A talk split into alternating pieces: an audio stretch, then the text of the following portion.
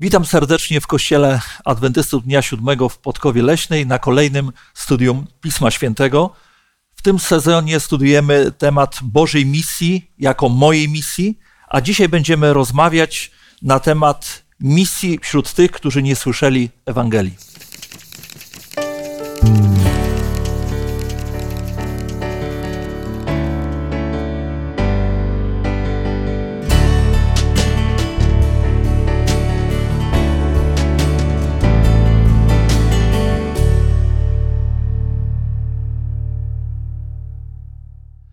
Dzisiaj w naszej dyskusji biorą udział Zbyszek, Halinka i Błażej.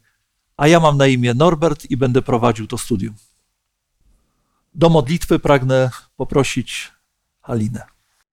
Panie Boże, święty, potężny, wszechpotężny Boże, pochylamy nasze oblicza przed Tobą, pochylamy nasze oczy i nasze głowy przed studium Słowa Twojego. Dlatego, Panie Boże, w szczególny sposób zwracamy się o natchnienie naszych myśli, o Twojego, o Ducha Świętego, o prowadzenie, o mądrość, o zrozumienie prawidłowe, tak jakbyś Ty to chciał, Panie, abyśmy tak to rozumieli. Proszę o to szczególne błogosławieństwo dla nas tutaj, ale również dla tych, którzy będą to słowo Twoje słuchać i studiować. Proszę o to w imieniu Twoim, nasz Panie i Boże, Panie Jezu. Amen. Amen. Amen. Dzisiaj kontynuujemy taki wdzięczny i ważny temat dotyczący misji, ewangelizacji. Jest to temat, który przewija się przez e, Pismo Święte od początku do końca. Często podkreślamy, że już na samym początku pierwszym ewangelistą, tym, który przekazuje dobre wieści, jest sam Pan Bóg po upadku pierwszej e, pary ludzkiej. Dzisiaj chcemy e, powiedzieć o misji wśród tych, którzy nie słyszeli Ewangelii, a więc wśród tych, którzy po raz pierwszy zetkną się z Bożym poselstwem. W zasadzie dzisiaj jest druga część już tego studium. Tydzień temu studiowaliśmy na temat misji wśród pogan i to była misja ukazana w świetle działalności apostoła Pawła.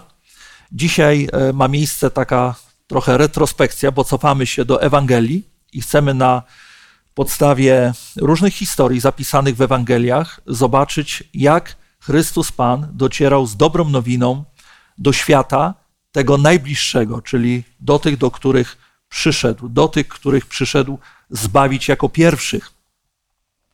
W Ewangeliach spotykamy przykłady, kiedy Pan Jezus wysyła apostołów, kiedy wysyła uczniów z dobrą nowiną. Działalność e, posłańców Bożych koncentruje uwagę przede wszystkim na e, terenach Judei, a więc wśród Judejczyków, wśród Izraelitów. I e, trudno tam dostrzec działalność wykraczającą poza te granice. Jednak, jednak są historie, które jakby przeczą temu, przeczą temu, co sam Jezus Chrystus zlecił swoim pierwszym posłańcom, naśladowcom, apostołom. E, w Ewangeliach czytamy, że Chrystus nakazał uczniom iść najpierw do osób zagubionych w Izraelu. To słowo najpierw obejmowało czas, w którym Pan Jezus chodził po ziemi. Jednak mamy takie historie, które przeczą jakby e, tej działalności i wykraczają poza granice służby wśród e, oczywiście Żydów.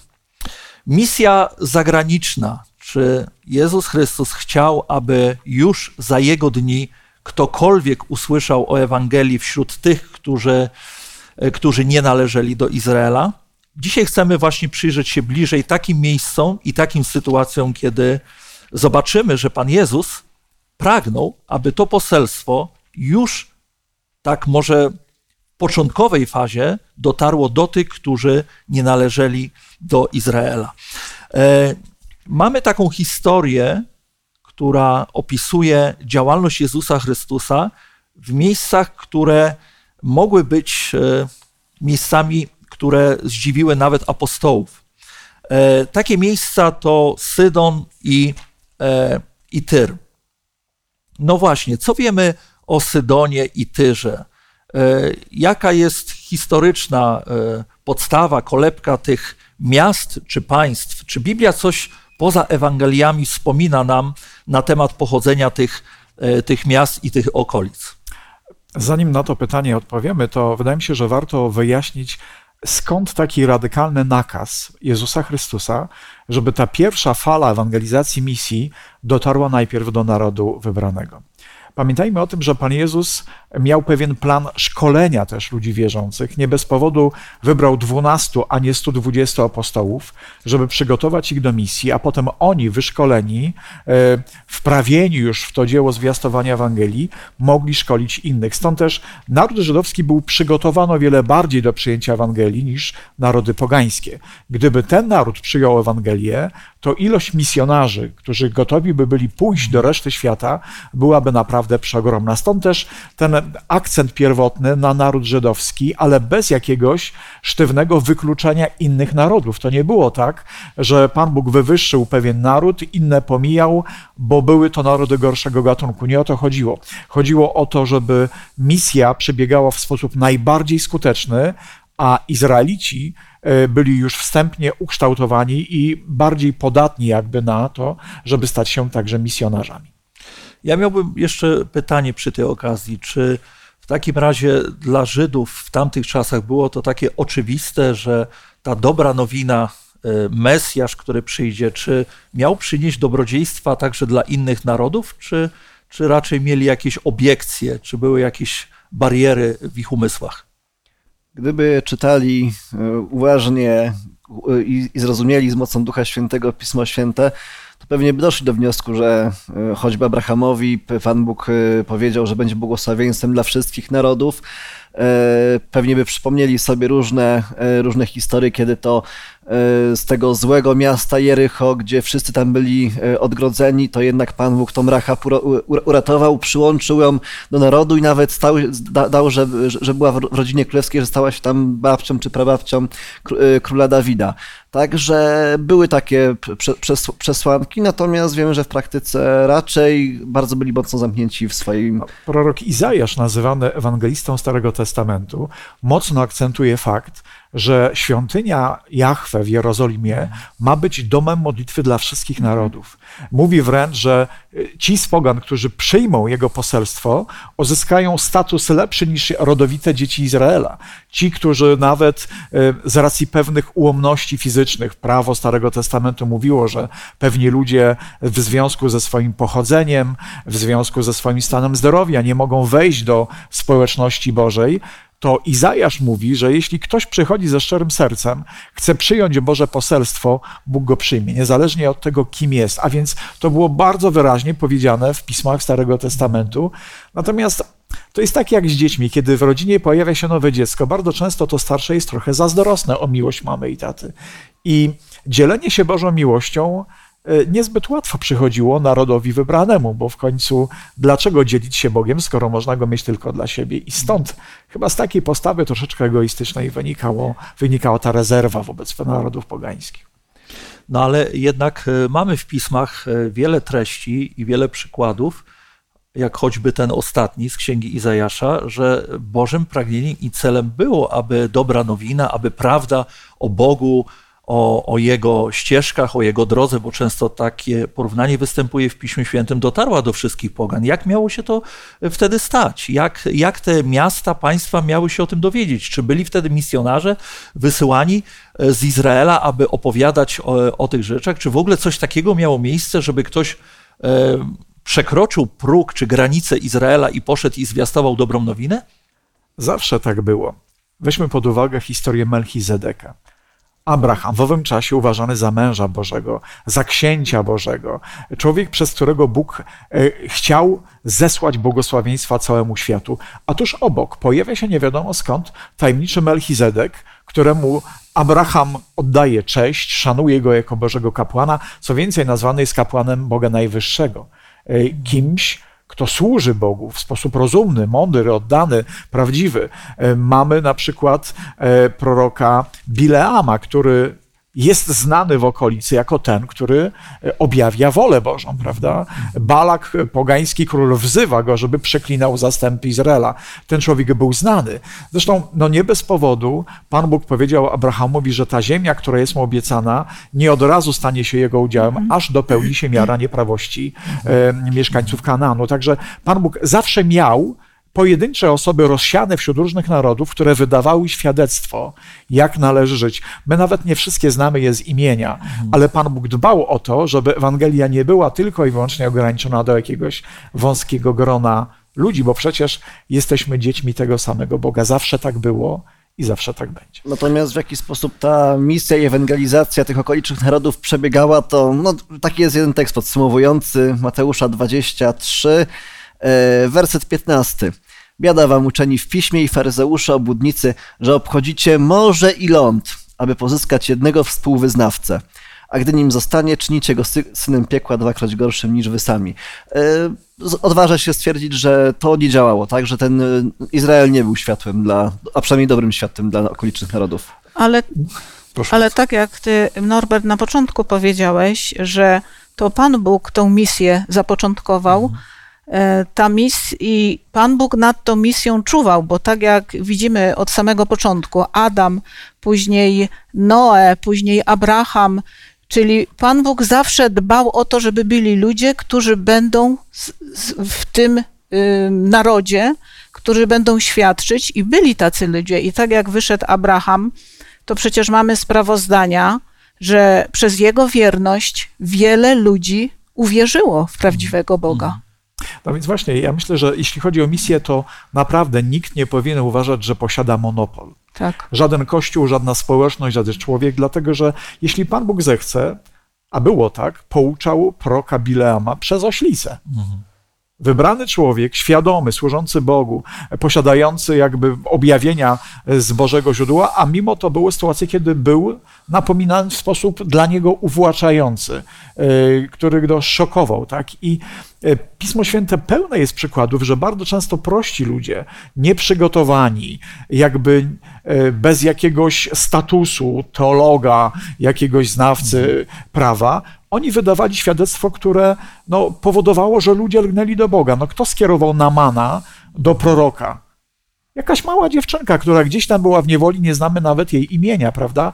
I były osoby, które wydawały fantastyczne świadectwo. Z drugiej strony, faktycznie, że ta zorganizowana misja, która była jakby firmowana przez uczonych w piśmie, ona niosła więcej złego niż dobrego. A więc mamy to oficjalne działanie i mamy to, to działanie oddolne. I no, można dyskutować, prawda, jak to wyglądało. W każdym razie na pewno y, trudno powiedzieć generalnie, że, że Żydzi nie spełnili tego zadania, y, bo pewnie niektóre rzeczy udawały się, natomiast faktycznie nie było to tak różowo, jak, jak, jak chcielibyśmy. Bo nie dzięki mocy, ani dzięki sile się misja toczy, ale dzięki działaniu Ducha Świętego. I myślę, że na przykład ten e, człowiek z zagranicy, dworzanin królowej Etiopii, o którym czytamy Tak. w dziejach apostolskich w 8 rozdziale, to pewnie podejrzewam, że, więcej pracy dobrej zrobił Duch Święty niż jakikolwiek z uczonych w piśmie. No, przyjechał, kupił zwój Izajasza, ktoś mu o tym powiedział. E, Pytanie, czy rzeczywiście każde nawrócenie to jest ewidentny cud, w sensie, że Pan Bóg bezpośrednio mówi do człowieka. Najczęściej jakiś człowiek staje na drodze innego człowieka i jest jakąś iskierką, ale ewidentnie każde nawrócenie jest przede wszystkim Bożym działaniem. I tutaj my ludzie nie potrafimy absolutnie nic sami z własnych jakby sił wykrzesać. Tak, właśnie patrząc na Stary Testament widzimy, że różne są sposoby e, działania Boga. Zresztą tak jak tutaj często wspominamy list do hebrajczyków, początek, wielokrotnie i wieloma sposobami e, przemawiał Bóg dawnymi czasy i e, myślę, że czytając Stary Testament, sięgając do niego często, widzimy różne przykłady. Tych przykładów jest więcej. Kiedy mówiłeś o Namanie, też mi się właśnie przypomniała ta postać, ale mamy i Jonasza, e, mamy oczywiście Dawida, który powiedział, że- jest gotowy o Bogu opowiadać nawet na krańcach ziemi i wyspom chętnie zaniesie tą dobrą wieść o Bogu. I widać, że w sercach ludzi e, było to pragnienie opowiadania o Bogu. Fakt, że tak jak tutaj było wspomniane, nie była to zorganizowana misja, nie szli grupami i opowiadali po, e, po miastach innych, pogańskich, po innych krajach oczywiście dobrej nowiny, ale nigdy w Izraelu nie było drzwi zamkniętych dla tych, którzy chcieli stać się prozelitami, którzy chcieli się nawrócić, którzy chcieli stać się częścią Izraela. Tak działo się też w czasach Jezusa Chrystusa, tak? Wiele osób uwierzyło w trakcie misji Chrystusa, które nie były z Izraela, ale chciałbym właśnie wrócić do ziemi Genazarat, gdzie Pan Jezus przebywał z uczniami i tutaj wspomniane jest Tyr i Sydon. I co moglibyśmy powiedzieć na, na temat e, tych miast, państw, ja, jak możemy je określić? Gdzie jest ich początek i, i dlaczego dla Pana Jezusa mogło być to ważne, żeby właśnie tam się znaleźć? Bo wiemy, że w jego misji nic nie było przypadkowego. Tyr jest e, znany w Biblii jako niezwykle bogate, dumne, portowe Tak. miasto. Miasto, które się chełpiło tym, że jest niezdobyte, że jest niezależne, że nie potrzebuje niczego, że wszystkie dobra e, tego świata są w jego posiadaniu. Król Tyru w końcu jest e, jedną z ilustracji proroczych upadku Lucyfera, więc po prostu to jest poważna rzecz. A więc i, za, i, Syd, i Sydon i Tyr były to miasta niezwykle bogate, y, zapewniające komfort, komfort życia. Z drugiej strony były to też miasta y, zepsute. Miasta, które oferowały jakieś towary, y, oferowały jakieś relacje handlowe, ale wraz z tym no, sączyły pewien, pewien taki jad niemoralności, odstępstwa, niezależności od Boga. I te dwa, te dwa miasta, Tyr i Sydon, one są synonimem pewnego zagrożenia, jakie grozi ludziom wierzącym ze strony właśnie zła grzechu. Zło ma w sobie jakiś taki e, magnetyzm, że, że potrafi być atrakcyjne, prawda? Oczywiście to jest to pierwsze wrażenie, potem pojawia się żądło, które sprawia jakąś duchową ruinę, ale, ale zło ma w sobie tą to dobre opakowanie, takie, takie, które znieczula, przyciąga. E, Wydaje się, że to jest coś dobrego nawet na początku, dopiero potem okazuje się, są, jakie są skutki. A więc miasta portowe, które zazwyczaj z natury są zepsute, podobnie w Koryncie było, prawda? Tam, gdzie jest dobrobyt, zazwyczaj idzie w ślad za tym jakaś niezależność od Boga i niestety niemoralność. Tak, ale wspominając właśnie Tyr i Sydon, możemy udać się do historii, która pokazuje, że y, relacje i dobre stosunki jednak istniały nawet pomiędzy tymi miastami a Izraelem. Mamy czasy Salomona, mamy czasy Dawida, nawet była współpraca handlowa.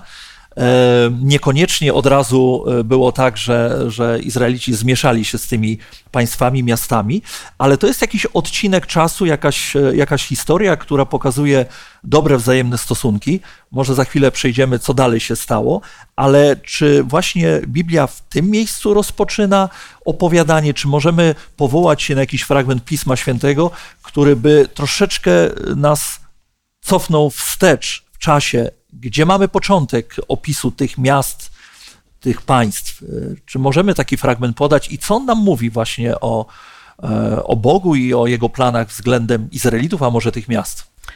No, jest takie sprawozdanie biblijne w Księdze się Sędziów, gdzie jako przywódca Jozue e, od polecenia Pana Boga miał za zadanie tępić okoliczne narody, aby nie miały tego złego wpływu na naród izraelski.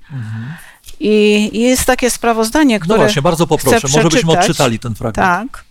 Jest to e, drugi rozdział księg- Księgi Sędziów i siódmy wiersz.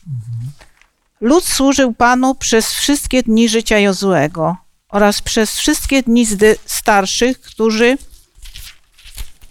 Jozuego przeżyli, a którzy oglądali wszystkie dzieła Pana, jakich Pan dokonał dla Izraela. Jozue, syn Nuna, umarł. A gdy również całe to pokolenie wymarło i nastało po nich inne pokolenie, które nie znało Pana ani tego, co On czynił dla Izraela, zaczęli synowie izraelscy czynić zło w oczach Pana i służyli Baalom. I jeszcze z trzeciego rozdziału. Proszę bardzo. A to są narody, które Pan pozostawił w spokoju, aby przez nie doświadczyć Izraela, tych wszystkich, którzy już nie widzieli, nie widzieli o wszystkich wojnach. I tu jest dalej sprawozdanie, e, trzeci wiersz mówi, jakie właśnie te narody pozostały. Pięciu książąt filistyńskich i wszyscy Kananejczycy, Sydończycy, Chiwijczycy, mieszkający, y, mieszkańcy na pogórzu libańskim od góry Balchorom aż do wejścia do Hamat. Czyli tutaj to sprawozdanie mówi, że te miasta zostały zachowane przez Pana, ale tak jak tutaj jest powiedziane, aby to było takim doświadczeniem dla Izraela. Czy oni będą trzymać się z dala od tego bałwochwalstwa, czy, czy będą wierni Bogu, czy pójdą za tym. Mhm. To był główny cel. No właśnie, czyli Pan Bóg y, zachował te miasta. Tak. E, miał w tym konkretny cel, tak jak tutaj wspomniałaś. E, no i teraz pytanie, czy Izraelici utrzymali się, czy spełnili e, to pragnienie Boga, aby stać wiernie przy Bogu? Czy mamy sprawozdanie z tamtej historii, że Izrael jednak zafascynował się tymi miastami, ich kulturą, ich wierzeniami i, no i doszło do apostazji, do odstępstwa? Czy, czy coś takiego w ogóle jest w Piśmie Świętym? Tak jeszcze może od, odnośnie tego Pana Boga, który pozostawił, no e, jest to tak w ten sposób sprawozdane, ponieważ no, w pewnym sensie Pan Bóg w, tym, e, w tej relacji wziął na siebie odpowiedzialność, mm -hmm. natomiast faktycznie to Izraelici tak za bardzo im się nie chciało już walczyć i Pan Bóg powiedział, jest, jest tak zapisane, ta wina no tak jakby Pan, Panu Bogu jest przy, e, przypisana, natomiast no to Izraelici też, byli, też, też, tutaj byli, e, też tu byli winni. No i faktycznie no mamy całą księgę sędziów, gdzie, gdzie, gdzie te narody najeżdżały i to w szczególności najeżdżały w momencie, kiedy Izraelici byli niewierni Panu Bogu, więc faktycznie no było to, był to problem dla Izraela i dla ich narodu. Przez wieki pojawiły się uprzedzenia, antagonizm. Wiemy, że Izraela trudno jest opisać w jednym wersecie czy w jednym zdaniu, ponieważ Izrael był w różnej kondycji duchowej. E, jest Izrael, który e, oddaje się bałwochwalstwu, wszelkiemu zepsuciu, wszystkim kultom tym kananejskim, do których Pan Bóg e, czuł wstręt. Oni to potem przyjęli do siebie, a nawet jeszcze pomnażali te grzechy. Potem jest Izrael, który dąży do sprawiedliwości, który chce pokazać Bogu, że potrafi, że może. I jest to czas, w którym Pan Jezus się pojawia. I Pan Jezus y, trafia na te tereny. Czy to mogło wzbudzić y, szeroko idące kontrowersje i uprzedzenia, nawet do misji Chrystusa w umysłach samych apostołów? Czy mogli się zastanawiać, czy aby na pewno Jezus y, postępuje dobrze? Czy w ogóle apostołowie mają taką czasem tendencję w myśleniu, że byliby gotowi poprawiać samego mistrza? To jest takie właśnie e, skakanie ze skrajności w skrajność, tak? Mhm. Faktycznie to, o czym mówiłeś, te, te, te, dwa okresy, kiedy najpierw się mieszali, kiedy byli bardzo przy, przyjmowali te różne zwyczaje pogańskich kultur, e, a, a, a ten moment, kiedy starali się dążyć do sprawiedliwości, wręcz izolować się od nich, e, było przedzielone niewolą babilońską, gdzie zrozumieli, że z powodu tamtych grzechów z, z, przyszło na nich, przyszły na nich te nieszczęścia, wobec tego teraz muszą być święci, muszą się izolować, nie, mo nie mogą mieć nic wspólnego z tymi okolicznymi narodami. Tak. No i w takiej skrajności Panu Jezusowi przyszło również prowadzić swoją misję i udawać dostosować się do tych mm, sąsiadujących narodów. Ale oba te stany, zarówno ten moment odstępstwa, kiedy jest fascynacja kulturą innych narodów, mhm. religią innych narodów, tak. która prowadzi do deportacji dziesięciu pokoleń w czasie niewoli asyryjskiej, tak, w VIII wieku. Potem niewola babilońska, która dotyka dwóch pozostałych pokoleń. Ludzie wracają po niewoli w takiej dziwnym jakimś amoku gorliwości, ale zarówno ta pierwsza postawa asymilacji z pogaństwem, jak również potem to radykalnie odcinanie, się właśnie. od innych narodów jest wyrazem braku dojrzałości. Nie bez powodu Jezus, kiedy mówił do apostołów, to w pewnym momencie powiedział: Nie nazywam was sługami, mhm. bo sługa nie wie, co jego pan czyni, a więc robicie coś, ale to jest taka działalność zewnętrzna. Robicie, bo ktoś wam kazał, bo było polecenie, ale nie rozumiecie sensu tego, co robicie. Nazywam was przyjaciółmi. Tak. A więc w momencie, kiedy zaczynamy Boga rozumieć, kiedy wchodzimy w relacje, takie głębokie relacje z naszym Zbawicielem, rozumiemy też Jego misję. Co On tak naprawdę chce osiągnąć. I e, ta podróż e, na tereny pogańskie miała być dla apostołów Jezusa pewnym sprawdzianem, na ile oni rozumieją mhm. misję Jezusa Chrystusa, na ile działają tylko zewnętrznie, robiąc coś tak dla oka, jakby, prawda, a na ile rozumieją sens tego, co mają robić. I tam są przepiękne historie, no, kiedy Jezus spotyka kobietę z Syrofenicji, prawda? Tak. E, Kobietę pogańską, która idzie i jako obolała matka prosi o pomoc. No i wtedy pojawia się ta, ta czujność apostolska. E, Apostoł Jezusa wypędzają, odganiają tą kobietę, bo raz, że zakłóca e, spokój mistrza, że, że zabiera mu czas, cenny czas, a po drugie, no przecież jest poganką, tak? Jakim prawem śmie w ogóle prosić o jakąkolwiek pomoc, skoro jest nieczysta, jest człowiekiem e, drugiej kategorii. No kobieta to może w ogóle nawet człowiekiem nie tak. jest, prawda? I Pan Jezus zdaje się jakby na początku e, nie reagować, tak jakby e, nawet w pewnym sensie przychylał się do tych takich bardzo radykalnych, takich niegrzecznych, bezdusznych słów swoich uczniów, mówiąc, niedobrze jest zabierać chleb dzieciom i rzucać psom. I to mogło im się podobać. Im na pewno. Natomiast próbuję wyobrazić sobie reakcję tej kobiety, gdyby ktoś nazwał mnie psem. Wiecie, to już jest jakby takie, takie wdeptanie, prawda, w ziemię, bo ktoś odbiera mi godność. No, żaden z ludzi nie czuje się psem, czuje się człowiekiem, tak? Tymczasem Jezus używa tych dosyć radykalnych słów, ale dalsza część rozmowy wskazuje, że Jezus nigdy tak o ludziach nie myślał. Rzucił pewną tezę, która mogła być bardzo popularna, prawda, wśród Żydów. No, ja znalazłem kiedyś taką wypowiedź, która brzmi mniej więcej tak, że chleb kupiony od Samarytan jest bardziej nieczysty niż wieprzowina. A więc pogarda totalna, prawda, dla wszystkich, co, dla wszystkich spoza, prawda, Izraela. I ta kobieta idzie. Ona jest gotowa być psem nawet w oczach Jezusa, ale mówi, panie, moja córka potrzebuje pomocy. I chociaż jestem być może psem, to przecież w każdym domu y, psy jedzą okruchy. Y, Ludzie, którzy są w porządku, którzy są wrażliwi, y, z szacunkiem traktują nawet psy, tak? Jestem tym psem, zgoda, ale pomóż mi. Co robi Jezus? Takiej wiary nie znalazłem nawet w Izraelu. I w tym momencie uczniowie byli zszokowani, bo, bo Jezus, który zdawał się przychylać do ich poglądów, tych tradycyjnych poglądów, że poganie są pod ludźmi, nagle wywyższa tą kobietę, mówi: To jest wzór, z którego możecie czerpać. Uczcie się od niej, bo ona rozumie, o co chodzi w misji.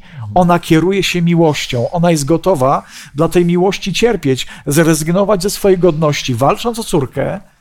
Ona wie, jak dotrzeć do Bożego serca. I to jest piękne. Pan Jezus naprawdę jest niesamowity. I zobaczmy, to nie jest jedyny przykład, który występuje w Ewangeliach, kiedy Chrystus nagradza wiarę osób spoza Izraela. E, Jest, są kolejne przykłady, ale e, ciekawe jest to, że właśnie ta historia jest zapisana w dwóch Ewangeliach.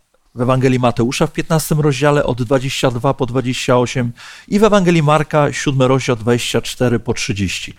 Wśród teologów, wśród biblistów panuje taka opinia, że jedna Ewangelia jest szczególnie adresowana e, do pogan, druga e, do Żydów. Gdybyśmy poszli tym tokiem myślenia, e, jaką różnicę, może nie podobieństwa, bo podobieństwa są, ale jaka różnica występuje w obu tych przekazach? Czy jest w ogóle jakaś różnica? Czy, czy, możemy, czy możemy ją zaobserwować, porównując te dwa teksty, te, te dwa pasaże myśli?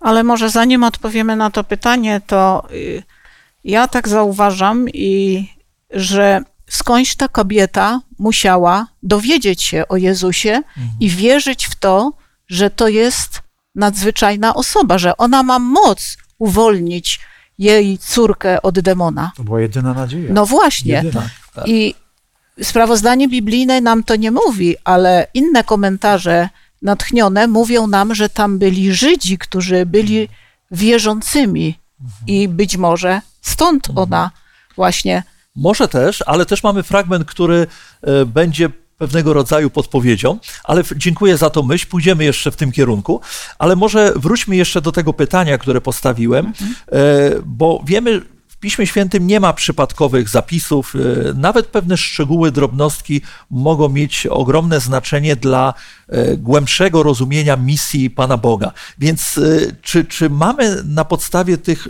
tych opisów jakieś różnice? Czy uchwyciliśmy jakąś różnicę? Jak na przykład Mateusz przedstawia tą niewiastę? Że jaka to jest niewiasta? Skąd ona pochodzi? Mateusz 15, 22 i oto niewiasta kananejska. No właśnie. Natomiast w Ewangelii Marka 7,26, a niewiasta ta była Greczynką, rodem z Syrofenicji. Dużo bardziej szczegółowo. Tam Mhm. Mateusz tak bardzo spłycił to, mo- można powiedzieć. Nie było to istotne być może dla Żydów. Dla nich każdy poganin to poganin. Tutaj widać Tak. tak, bardzo osobowo Marek e, to zapisał. Mhm. No, to, to, to były bardzo konkretne wypowiedzi, bo Kananejka y, Żydom Mhm. kojarzyła się jednoznacznie. Tak. Pogaństwo. kim byli mieszkańcy Kanaanu? Bałwochwalcy. W historii, prawda, Izraela. To byli ludzie, których trzeba było praktycznie zniszczyć. Tak? Wrogowie. Wrogowie, zagrożenie duchowe, ja- w ogóle no, poganie ze swoją religią śmieszną, pełno zabobonów, to, to, to, to była jakaś totalna pomyłka. Żydzi uważali, że to jest opał do piekła, prawda? To są ludzie skazani na ogień i, i, i tylko do unicestwienia. Y, y, Widać w tych słowach taki dystans. Prawda, między narodami. Natomiast Marek y, po prostu informuje rzetelnie, że była to kobieta, która była Greczynką, mieszkająca gdzieś tam powiedzmy na terenie Syrii, prawda. Y, I to nie był ten problem. Poganie nie mieli tego problemu różnic y, narodów, prawda, jakichś nacji, dlatego że, że generalnie poganie byli dosyć tolerancyjni. Oni chętnie wymieniali się kulturą, religią, prawda, przejmowali kulty różnych bogów, Rzymianie, Grecy, Nawet Babilończycy. Babilończycy, Tak. no Asyryjczycy, generalnie ci ludzie mm, byli asekuracyjni. Lepiej mieć y, kilku bogów, bo któryś może, Może okazać się pomóc, prawdziwy, tak, prawda? albo więc, pomóc. A więc lepiej więcej niż mniej. E, Natomiast e, tutaj widać, jest to, jest to też atut Ewangelii, że Ewangelie nie retuszują życia. Mhm.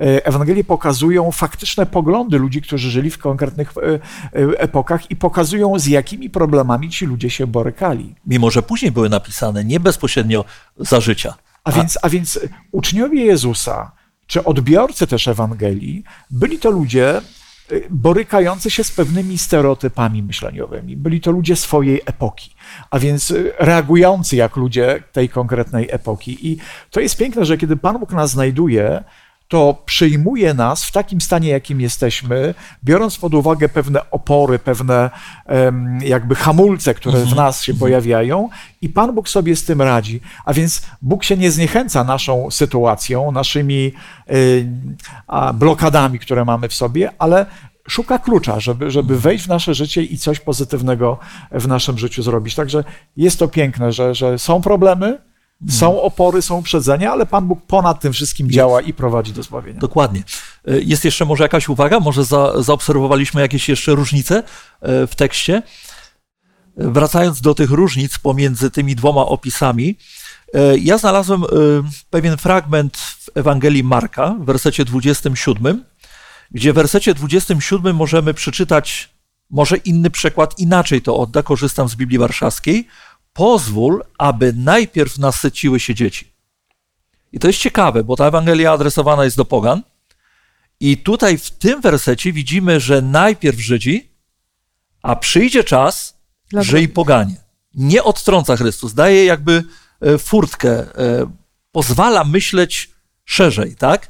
E, Nieraz, gdy czytam tą historię, gdy wracam do tej historii, myślę sobie tak, że sposób, wyraz twarzy, stosunek do tej osoby, chociaż może te, sob- te słowa były dość ostre i zdecydowane, e, mam takie wrażenie, takie odczucie duchowe, że wyraz twarzy Chrystusa w tym momencie i w tym czasie był taki, że ta kobieta odnalazła nadzieję w jego obliczu i sięgnęła dalej i wypowiedziała te, te słynne e, słowa.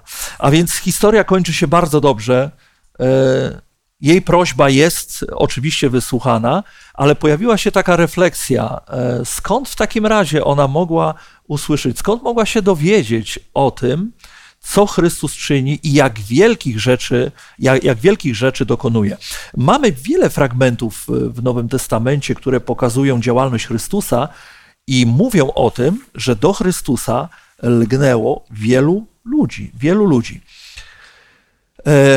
Popatrzmy do Mateusza 9 rozdziału i wersetu od 35 do 38. Jeżeli ktoś miałby pragnienie e, przeczytać te fragmenty, to poproszę oczywiście. I obchodził Jezus wszystkie miasta i wioski, nauczał w ich synagogach i zwiastował Ewangelię o Królestwie i uzdrawiał wszelką chorobę i wszelką niemoc. A widząc lud, użalił się nad nim, gdyż był utrudzony i opuszczony jak owce, które nie mają pasterza. Wtedy rzekł uczniom swoim, żniwo wprawdzie wielkie, ale robotników mało, proście więc Pana żniwa, aby wyprawił robotników na żniwo swoje. I to jest chyba właśnie ten, e, ten dobry środek, żeby nie iść, e, nie łączyć się z narodami pogańskimi, żeby przyjąć ich, e, i, ich zwyczaje, również się od nich nie izolować, ale iść, żeby dać im coś dobrego. Tutaj widzimy, że Jezus również nie tylko samo zwiastowanie, nie, nie, nie, tylko opowiadał o tym królestwie, ale też również tutaj ta, uzdrawiał chorobę, tak, jakoś e, czy, czy, czy, czynił cuda. E, właśnie tym, tym, ludziom, którzy tam potrzebowali tej Ewangelii, ją, ją zanosił. Mhm, tak. No właśnie, tu jest jeden z tych wspaniałych przykładów, które mówią o pragnieniu Chrystusa, by dotrzeć do, do wszystkich ludzi. Ale kontekst nam się znacznie rozszerza, gdy czytamy początek Ewangelii Mateusza, w zasadzie czwarty rozdział i wersety od 23 po 25, gdzie ponownie ukazana jest działalność Jezusa Chrystusa. Ja mogę odczytać ten fragment. I obchodził Jezus całą Galileję, nauczając w ich synagogach i głosząc Ewangelię o Królestwie, uzdrawiając chorobę i wszelką niemoc wśród ludu. I rozeszła się wieść o nim po całej Syrii i przynosili do niego wszystkich, którzy się źle mieli i byli nawiedzeni różnymi chorobami, cierpieniami, opętanych, epileptyków, sparaliżowanych, a on ich uzdrawiał i szli i szły za nim liczne rzesze z Galilei, z Dziesięciogrodu i z Jerozolimy, i z Judei, i za Jordanię. Popatrzmy. Nie ma się co dziwić. E, ludzie, którzy potrzebują pomocy, są zdeterminowani, żeby szukać kogoś, kto może ich problemy rozwiązać. Mhm. Dzisiaj podobnie, jeżeli ktoś jest nieuleczalnie chory, e, śledzi internet, szuka jakichś nowatorskich metod leczenia, prawda? Tak. Chce sobie pomóc, szuka jakiejś pomocy. Y, ludzie się nie zmienili pod tym względem i wtedy też tak było. Może wolniej to działało, bo te wieści roznosiły się troszeczkę wolniej, ale jednak to, co robił Jezus, przekraczało granice Ziemi Świętej. Mhm. Te wieści dochodziły do różnych pogańskich narodów i ci ludzie lgnęli do Jezusa, szli w nadziei, że nie będą odrzuceni. E, ale wcześniej też czytaliśmy e, tutaj bardzo ważny tekst, który właśnie mówił, że Jezus patrzył na ludzi i widział, że są jak owce bez pasterza. Widać, że zawiodła misja wewnętrzna. Mhm. Była potrzeba, żeby iść z Ewangelią szerzej, a tymczasem wewnątrz Kościoła ta misja do końca nie działa. Gdzie się podzieli pasterze?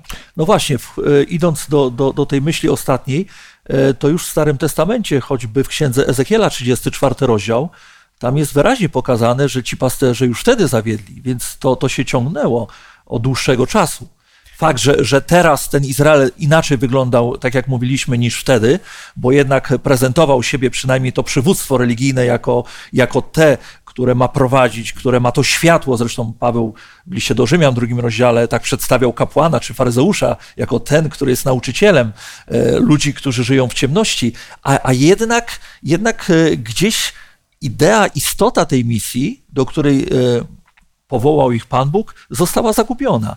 Chrystus jakby nie mógł być przedłużeniem tej misji, wręcz przeciwnie, pokazywał, że kierunek, który oni obrali, to nawet jest to kierunek zgubny. Popatrz, e, e, ówczesny naród żydowski miał dosyć duże grono kapłanów teologów używanych tak. w piśmie. A więc kiedy padały pytania teologiczne, natychmiast pojawiała się odpowiedź. Przychodzą mędrcy ze wschodu, szukają nowonarodzonego króla, pada pytanie, gdzie miał się narodzić, teolodzy wiedzą. Tak. Natomiast brakuje duszpasterstwa. Brakuje tej misji, misji wewnętrznej, tej troski o pojedynczych wyznawców. I przez to Kościół też stygnie, tak? E, a więc Jezus, myśląc o misji, która ma docierać do nowych wyznawców, jest zatroskany też o tą misję wewnątrz, czy to, co już jest, jest dobrze zaopatrzone, jest, jest otoczone opieką. To są naprawdę niezwykle ważne rzeczy. Mam wrażenie, że współczesny Kościół też może trochę za bardzo jest nastawiony na misję zewnętrzną, a może zapomina o tej misji wewnątrz, w środku. Natomiast tutaj z, z ocieraniem z Ewangelią do tych, os, do tych osób, które w ogóle nie, nie słyszały, to Jezus też dał bardzo dobry przykład właśnie, że tym, tym motorem napędowym jego działalności była, była właśnie służba z uzdrawianiem chorób, wszelkiej niemocy. No i właśnie kiedy myślimy o ludziach, którzy w ogóle nie słyszeli Ewangelii, to myślimy, nie wiem, o świecie muzułmańskim powiedzmy e, i z czym my pójdziemy? Dyskutować na temat prostan, pójdziemy i wyliczeń 2300 wieczorów i poranków, Oby, oby, oby nastał moment, kiedy też będzie można usiąść im to przedstawić, natomiast wydaje się, że w pierwszej kolejności trzeba pokazać im chrześcijaństwo, które jest przemienione e, miłością Jezusa, mm. które chce wyciągać pomocną dłoń, które jest dobre i którymi, które jest, jest dobrymi ludźmi po prostu.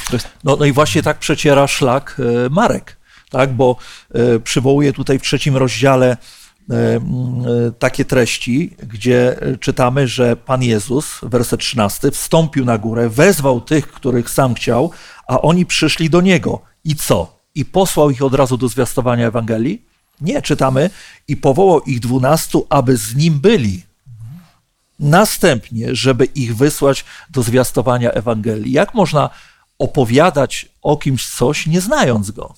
Nie wiedząc, kim jest. To jest jedna. A druga sprawa, e, tytuł naszego dzisiejszego rozważania, studium jest dosyć taki przekorny. Opowiadanie Ewangelii e, ludziom, którzy o niej nie słyszeli.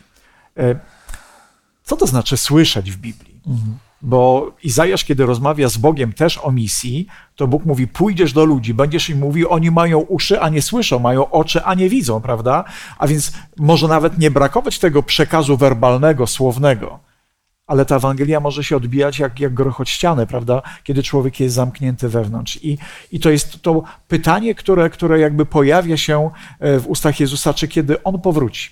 Czy w ogóle tak. będą ludzie, którzy nadal chcą wierzyć? I to jest pytanie może nawet bardziej do Kościoła, do, do naśladowców Jezusa, niż do świata. Niż do ludzi z zewnątrz, mhm. prawda? Bo, bo Kościół przeżywa kryzys. Mhm. E, przeżywał kryzys w czasach Jezusa, wszedł do swoich. Zdawałoby się wszystko gotowe. Oficjalnie teolodzy mówią, czekamy na Mesjasza, tak? Wręcz niecierpliwym się, kiedy on się pojawi. Przychodzi do swoich, swojego nie przejmują, bo czegoś zabrakło, jakieś koncepcje, które były zupełnie niebiblijne, były ich produktem, jakaś tradycja, która wyparła te zdrowe Boże poglądy. E, mówiąc o misji, musimy mieć świadomość, że to nie chodzi tyle, e, tylko i wyłącznie o słowa, tak. bo możemy wypowiadać słowa i one nie będą słyszane. E, bardziej niż słowa wołają czyny. I, I tutaj chodzi o to, że kiedy mówimy o, myśl, o misji, to musimy robić dokładnie to, co Jezus. Bądź przyjacielem człowieka. Zauważ jego potrzeby, odpowiedz na te potrzeby. Może mniej mów, a więcej działaj. I wtedy ta Ewangelia zacznie być słyszana. No właśnie, w kulturze semickiej, w ogóle w starożytności, co oznaczało pojęcie, że ty kogoś znasz, że go poznałeś? Czy to jest tak jak dzisiaj ludzie się spotykają, przedstawiają sobie, podają rękę, potem widzą siebie na ulicy, jeden do drugiego mówi, o tego człowieka to ja znam. Czy, czy można by było tak to potraktować w tamtych czasach? Co miał Chrystus e, na myśli, gdy, gdy właśnie e, mówił, że życie wieczne jest e, zależne od znajomości Boga i Chrystusa? E, cóż, e, w, jest nawet takie, do, do, tego stopnia można powiedzieć, że oni to rozumieją, że było rozumiane, że kiedy, kiedy para małżeńska się schodziła, to mówiło się, że mąż poznał żonę, czyli tak. wchodzi w tą e, intymną relację. I faktycznie, cóż, no, Jezus się przedstawia jako wlubieniec, Kościół jako ulubienica, tak? Jeżeli nie wejdziesz w taki bliski kontakt, bliski, bliską relację z Jezusem, to nie znasz go tak naprawdę mhm. i nic z tego nie będziesz miał. Ja myślę, że to się odnosi też do takich naszych relacji właśnie między y, tymi osobami, którymi chcemy powiedzieć coś o Chrystusie. Najpierw musimy się nawzajem poznać. No właśnie. I, I to poznać w taki sposób, taki naturalny. Zaprosić się, porozmawiać o sobie, poznać swoje problemy, a później, jeżeli jest ta chęć dalej spotykania się, to jest. No właśnie, tak? czy w relacji z Bogiem jest to poznanie jednorazowe, czy ono ma być pielęgnowane, kontynuowane? Czy możemy powiedzieć, że już znamy Boga, czy będziemy y, go znali u kresu y, na, naszej wędrówki? Ja może hmm. przeczytam krótki fragment tak. z Ewangelii Mateusza. Rozdział siódmy, pewnie już na naszych spotkaniach te teksty się pojawiały, ale one są niezwykle istotne, bo one szokują. Mhm. Siódmy rozdział i tam będę czytał y, od wiersza 21. Nie każdy, kto do mnie zwraca się Panie, Panie, wejdzie do Królestwa Niebios. Wejdzie tam tylko ten, kto pełni wolę Ojca mego, który jest w niebie. W tym dniu wielu mi powie, Panie, Panie, przecież prorokowaliśmy w Twoim imieniu. W Twoim imieniu wypędzaliśmy demony. W Twoim imieniu dokonywaliśmy wielu cudów. Wówczas im oświadczę, nigdy was nie poznałem. Odejdźcie ode mnie wy wszyscy, którzy dopuszczacie się bezprawia. Czy ci ludzie znali Jezusa? Na ich ustach, Pozornie tak. na ich ustach była ciągle deklaracja, cokolwiek czynimy. Wypędzanie demonów, czynienie cudów, uzdrawianie. Czyli nawet spektakularne rzeczy. Wszystko w imię Jezusa. Gdyby Tak. ktoś im powiedział, zadał to pytanie, czy ty znasz Jezusa? Każdy z tych ludzi powiedziałby tak. Ja mam nawet na to dowody, bo dzieją się fenomenalne rzeczy przez moje ręce. Co mówi Jezus? Myśmy się nigdy nie znali. O co za tym chodzi? Co to znaczy znać Jezusa, tak? Co to znaczy wierzyć w Niego? Czy Syn Człowieczy znajdzie wiarę na ziemi? Wiara to nie jest przyjęcie intelektualne jakiegoś zestawu informacji na temat Boga. Jest to przeżycie czegoś z Bogiem, jest to nawiązanie relacji ufności, poddania, posłuszeństwa, e, no, kroczenia drogą, którą Pan Bóg wytycza, brania pod uwagę Jego słów, liczenie się z Jego wolą, a więc to jest to, to poddanie i na tym polega misja. Chcemy być tam, gdzie nas Bóg potrzebuje i chce- i chcemy mówić o Bogu tak, jak czynił to Jezus, biorąc Go za wzór i za przykład. Tak, ma, mamy wiele przykładów jeszcze z Biblii i podczas tego studium moglibyśmy do niejednej historii się udać. E, Puentujemy to e, najistotniejszym e, w zasadzie zagadnieniem i prawdą dotyczącą relacji. E, I moglibyśmy e, zadać sobie pytanie, czy ta wiara dzisiaj żyje we mnie? Bo to pytanie przywołane przez Pana Jezusa z Ewangelii Łukasza, czy Chrystus Pan znajdzie wiarę na ziemi, jest pewnego rodzaju echem, kiedy powiedział do Izraelitów, tak wielkiej wiary nie znalazłem w całym Izraelu. Czyli moglibyśmy odwrócić to, że, że, że czy ja znajdę wiarę wśród Izraelitów, gdy przyjdę. I faktycznie z tym był problem. I teraz pytanie, czy ten problem się nie powtórzy. Więc czego moglibyśmy życzyć sobie i wszystkim, którzy nas słuchają, e, podsumowując to studium Słowa Bożego? Ja, jakich rad możemy sobie udzielić, albo jakich rad udziela nam Słowo Boże, aby nasze życie ofitowało, tak jak Pan Jezus mówił, abyśmy wzrastali w wierze i w poznaniu Boga? Co musi być zachowane? Jaki kierunek powinien być nadany w naszym życiu? Kierunek powinien nadawać Jezus, tym właśnie powinniśmy i za nim e, wie, po, poznać go właśnie, tak? Jak najwięcej go postarać się e, o, o nim dowiedzieć, e, prześledzić, kiedy, w jaki sposób postępował z innymi ludźmi i zachwycić się tym sposobem. Zachwycić się, stwierdzić, że to było dobre, że to, że to mi imponuje, to mi się podoba i jeżeli mi, się to, jeżeli mi to imponuje, to będę chciał czynić tak, tak samo, tak? I To, to będzie to zaufanie, że ta droga, którą mnie chce Jezus prowadzić, jest też jest dla mnie dobrą drogą. Chrześcijanin nie, mo- nie może być minimalistą. A więc kiedy widzę ludzi, którzy zaczynają studiować Biblię i mówią, panie, czy ja to muszę? Czy to też muszę? Naprawdę to jest konieczne i czy to jest niezbędne? Jeżeli ktoś targuje się z Bogiem i próbuje wynegocjować taką opcję najmniej, e, powiedzmy, wymagającą, coś jest nie tak. Człowiek wierzący pyta, panie, co mogę jeszcze? Jeszcze, dokładnie. Co mogę jeszcze dla Ciebie, bo chcę maksymalnie się Tobie oddać i poświęcić. I chyba tego powinniśmy sobie życzyć. Bo właśnie chodzenie za Bogiem i posłuszeństwo Bogu daje nam radość, jeśli wynika z relacji, z miłości, z oddania Bogu na zasadzie: Ja tego chcę, ja tego pragnę. Sługa Twój słucha, Panie, mów do mnie. I myślę, że to jest takim życzeniem ze strony Pisma Świętego, ze strony Boga, który mówi do nas przez tą księgę, abyśmy doświadczali żywej społeczności z Bogiem, aby e, ta relacja nas cieszyła, bo ona naprawdę cieszy i aby z tej relacji korzystając, moglibyśmy przekazywać tą dobrą nowinę, czyli Ewangelię e, całemu światu. Dziękuję serdecznie za uwagę e, mm, wszystkim uczestnikom i także tym, którzy nas oglądali i zapraszam na kolejne studium e, za tydzień Estera i Mordochaj. A do końcowej e, modlitwy chciałbym poprosić Błażeja. Drogi nasz Panie Boże, drogi Jezu, prosimy Cię, abyś poruszał nasze serca, abyśmy byli przepełnieni Twoją miłością i tym kierunkiem, jaki Ty miałeś, kiedy byłeś tutaj na ziemi, aby docierać do ludzi, aby być dla nich, e, być dla nich e, nadzieją, aby nieść im e, zbawienie. Prosimy Cię, abyśmy mogli podążać w Twoje ślady, abyśmy mogli dzielić się tym, co mamy najlepsze, tą Ewangelią i nadzieją zbawienia.